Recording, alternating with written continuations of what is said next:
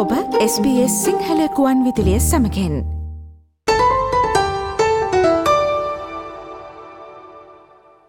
සෑම මිනිත්තු හතරකටම වරක් ඔස්ට්‍රලයානුවෙක් හෘදයාබාධයකට හෝ එහෙමනතම් ස්ට්‍රෝක් එකකට ලක්වන බව ඔබ දන්නවද.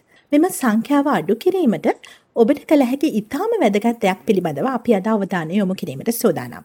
ඔස්ට්‍රලියාවේ සෞඛ්‍ය දිනදර්ශනයේ හාට්වීක් එහෙම නැත්නම් හෘද සතිය ලෙස නම් කරලා තියෙන මේ සතියේ ඔබේ හෘද සෞඛ්‍ය පිළිබඳව අවධානය යොමු කිරීමේ අරමුණින් හෘද සෞඛ්‍ය පරීක්ෂණයේ ඇති වැදගත්කම ගැන සාකච්ඡා කිරීමට අපි අද සූදානම් වන්නේ.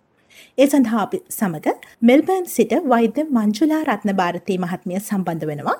ආයිබෝවන් වෛද්‍යතුමියනි අයිබෝවන් වෛද්‍යතුමිනි මම මුලින්ම දැනගන්න කැමති ඔස්ට්‍රේලියාවේ හෘද සෞඛ්‍ය පරීක්ෂණයක් ලෙස හඳුන්වන්නේ කුමක්ද? ඔව් අතිනි මෙහෙමයි දැන් හෘද වෛද්‍ය පරීක්ෂණයක් කියලා කියන්නේ මේක ඇත්තටම ස්ක්‍රීනින් එකක්. ඒ කියන්නේ ස්ක්‍රීනින් එකක් කියන්නේ අපිට රෝගයක් අපිට රෝගය තියෙනවා නමුත් අපිට ඒ රෝග ලක්ෂණ පෙන්වන්නේ නැහැ. අපිට ගොඩක් වෙලාවට මේ බෝනවන රෝග විශේෂයෙන්ම හෘද රෝග වගේ දේවල් රෝග ලක්ෂණ පෙන්වන්න ගන්නකොට ගොඩක් සංකුලතා ඇවිල්ලා තින්නේ. එතකොට මේ හෘද පරීක්ෂණයකදී අපි කරන්නේ මේ රෝග ලක්ෂණ එන්න කලින් අපි ඒ රෝගය මොකක්ද කියලා අහුම් රෝගයක් තියෙනවද අපිට එහෙම රිස්ක් එකක් තියෙනවද ඒ වගේ දෙයක් හඳුනා ගැනීම තමයි මේ හෘද රෝග ටෙස්ට් එකකදී එහෙම නැත්නම් පරීක්ෂණයකදී කරන්න කරන්නේ සාමාන්‍යයෙන්. ඔව් වෛද්‍යතුමනි මේ හෘද රෝග පරීක්ෂණය සිදු කර ගත යුත්තේ කවුරුන්ද? විශේෂයෙන්ම ඔස්ට්‍රේලියානු රෙකමෙන්ඩඩ් ගයිඩ්ලයින්ස් වල හැටියට අවුරුදු 45ට වැඩි හැම පුද්ගලයෙක්ම මේ පරීක්ෂණ භාජනය වීම සුදුසුයි කියලා කියනවා. එතකොට ඒ කියන්නේ තව තියෙන ස්වදේශිකයන්ට කියන්නේ ඇබරිජිනල් අයට නම් අවුරුදු 30ට වැඩි. නමුත් ඊට අමතරව අවුරුදු 45ට වැඩි අයට තමයි කියන්නේ. නමුත් ප්‍රධාන වශයෙන්ම අපි පැවතෙන දකුණු ආසියාතික ජානවලින් නිසා අපිට පොඩ්ඩක් තව රිස්ක් එක වැඩි. එතකොට එහෙම අය අවුරුදු 35 කියන්නේ වැඩි 35ට වැඩි අය වුණත් මේ පරීක්ෂණයට කියන්නේ මේක චෙක් කරගත්තට ගැටලුවක් නැහැ. හෘද රෝග පරීක්ෂණයක් සිදු කර ගැනීමේ වැදගත්කම කුමක්ද? කියන්නේ දැන් අපිට මං ඉස්සලා මම කිව්වා වගේ දැන් මේක ස්ක්‍රීනින් එකක්. එතකොට ඒ කියන්නේ අපේ මූලිකව අපිට රෝග ලක්ෂණ පෙන්눔 කරන්නේ නැතුව ඇඟ අතුලේ රෝගය තියෙනවාද කියන එක හොයාගන්න තමයි මේ මේ පරීක්ෂණය කරන්න ඕනි.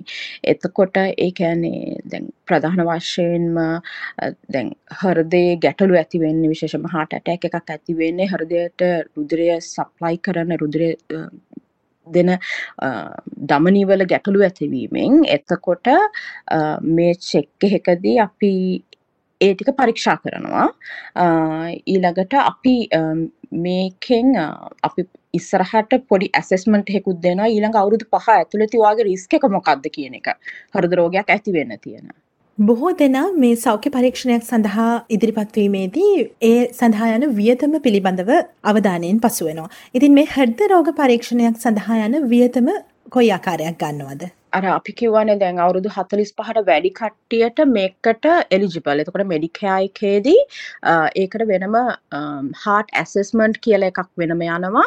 එතකොට ඒකට ඕගොල්ලන්ට කොහොමටවත් මුදලක් වියදම් වෙන්නේ නැහැ. ඒක යන්නේ වෙන විදිහකට. ඒ කියන්නේ ඒකේ item number එක වෙනස්.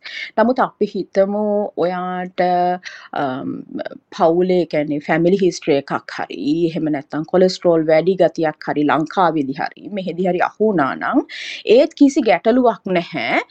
මේ ඇසෙස්මන්ට් එක නොකර ඔයාගේ වෛද්‍යවරයට ජීපීට පුළුවන් එකන නෝමල් ඇසෙස්මන්ට් එකට නෝමල් මෙඩිකෑ අයිටම් නම්බ එකට ගිහිල්ලා මේ ඇසෙස්මන්ට් එක කරගන්න. ඒක නිසයි මම කිව්වේ අර අවුරුදු තිස් පහට වැඩිවුනාම වෛද්‍යවරය මුණගැහිලා මේ පරීක්ෂණ ටික කරගන්න එක වටිනවා. ඔයාට මෙඩිකයා තියෙනවනම් එකෙන් කව වෙනවා. ප්‍රයිවට් මෙඩිකල් ඉන්ශුවරන්ස් එකක් තියෙනවනම් ප්‍රයිවට් මෙඩිකල් ඉන්ශුවරන්ස් එකෙත් මේ කොටස් ටික කව වෙනවා. කියන විශේෂම එක්ස්ට්‍රාස් තියෙනවන ගොඩක් කම්පිනිස් මේ ටික කව කරනවා. ඇති ඒක නිසා ඒක ගැන ලොකුවට හිතන් එපා කියනකයි මට කියන්න තියෙන අනිතක බල්බ් බිල් කරන තැනකදී කොහොමත් කව වෙනවා. මෙඩිකවල තිරනි බල්බ් බිලින් කියලා. ඒ වගේ තැනකදී කව වෙනවා. ගොලන්ට එක්ස්ට්‍රා පේමන්ට් එකක් කරන්න අවශ්‍ය වෙන්නේ නෑ ඕ වෛදිතුමිනි ඊළඟට අපේ අවධානය යොමු කරමු. මේ හෘද රෝග පරීක්ෂණයක් කිරීමට යම් කිසි පුද්ගලයෙක් යොමු වුණොත් ඔවුන්ට ඒ පරීක්ෂණයේදී බලාපොරොත්තු වෙන්න පුළුවන් දේවල් මොනවද? ඕ ප්‍රධාන වශයෙන්ම ඔයා දැන් ඒක ඒ කියලා ගියාම දැන් වෛද්‍යවරයා ඒක ඒකට සූදානමින් ඉන්නේ. වෛද්‍යවරයා සහ මේ නර්ස් ඒකට සූදානමින් ඉන්නේ. ප්‍රධාන වශයෙන්ම වෛද්‍යවරයා ඔයාගේ හිස්ටරි එකක් ගන්නවා. ඒ හිස්ටරි එක ගන්නකොට ඒ හිස්ටරි එකේදී ගන්නවා. දැන් මේ මොහොතේදී ඔයාගේ ලෙඩ රෝග තියෙනවා මොනවද? පාස්ට් හිස්ටරි එකේ ඔයාගේ තිබුණු ලෙඩ රෝග මොනවද?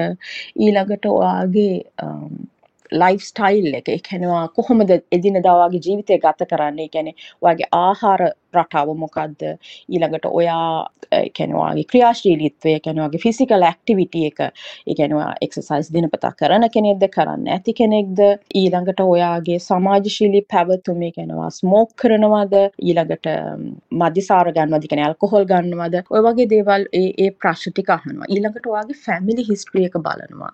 ඒක හරිම වැදගත්. මොකද හර්ද රෝග ඇතිවෙන්න කාර එකන කොටස් දෙකක් තියෙනවා. එකන රිස් ෆක්ටර්ස් අපි ඒවට කියන modifiable risk factors and non modifiable risk factors. කියලා මොඩිෆයිබල් රිස් ෆක්ටර්ස් වලට තමයි එන්නේ. අර අපි අපේ ජීවිතේ ක්‍රියාශීලීත්වය ආහාර ගන්න විදිහ අපේ ඇල්කොහොල් ඊළඟට ස්මෝකින් ටික එන්නේ. non modifiable ඒවා තමයි අපේ ජාන වලින් එන දේවල්. අපේ දකුණු වාසයාතික ජාන heart attack වලට more prone. ඒ කියන්නේ වැඩිපුර වෙන්න පුළුවන්. ඊළඟට family history එකේ කාට හරි හෘද රෝග හැදිලා තියෙනවා නම් කොලෙස්ටරෝල් තියෙනවා නම් ඒවා අපිට වෙනස් කරන්න බෑ. අන්න ඒ ටික වෛද්‍යවරයා අහනවා ඒ හිස්ට්‍රී එක. ඊළඟට වෛද්‍යවරයා සුළු එක්සැමිනේෂන් එකක් කරනවා. ඉතින් ඒකදී වාගේ රුධිරය රුධිර පීඩනය පරීක්ෂා කිරීම කරනවා. ඊට අමතරව උස බර බලලා BMI අගය කැල්කුලේට් කරලා බලනවා.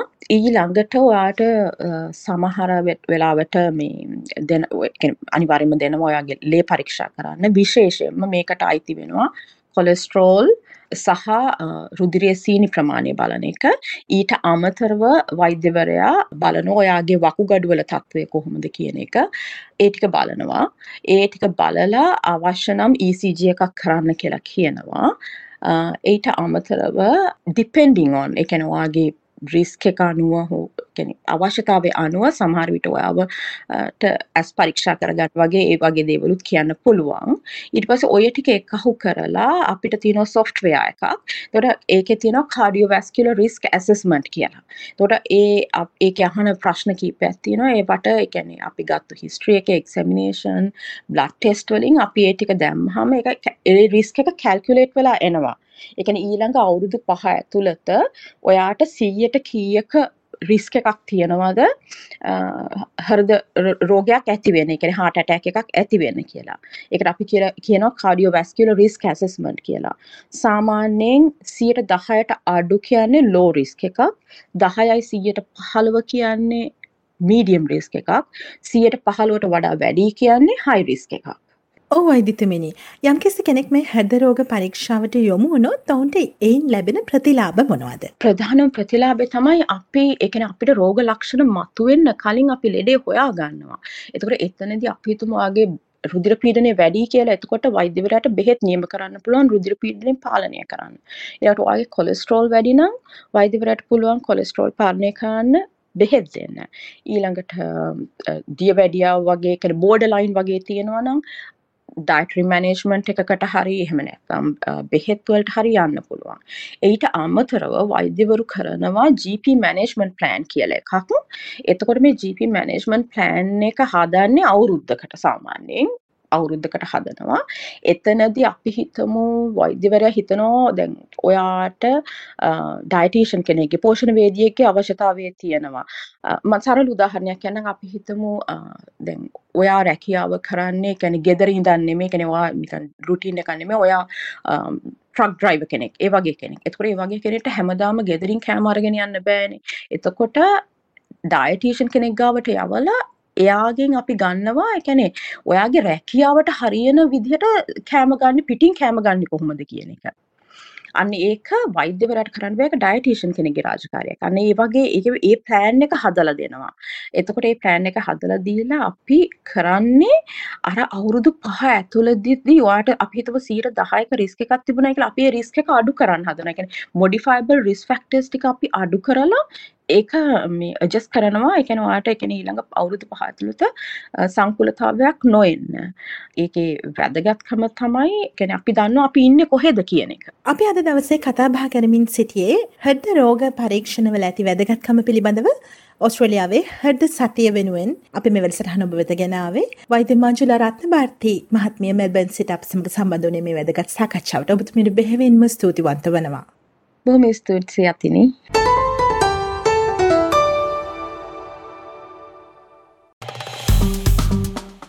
ලයි කරන්න ෂයා කරන්න අදහස් ප්‍රකාශ කරන්න SBS සිංහල ෆස්බුක් පිටුව ෆලෝ කරන්න.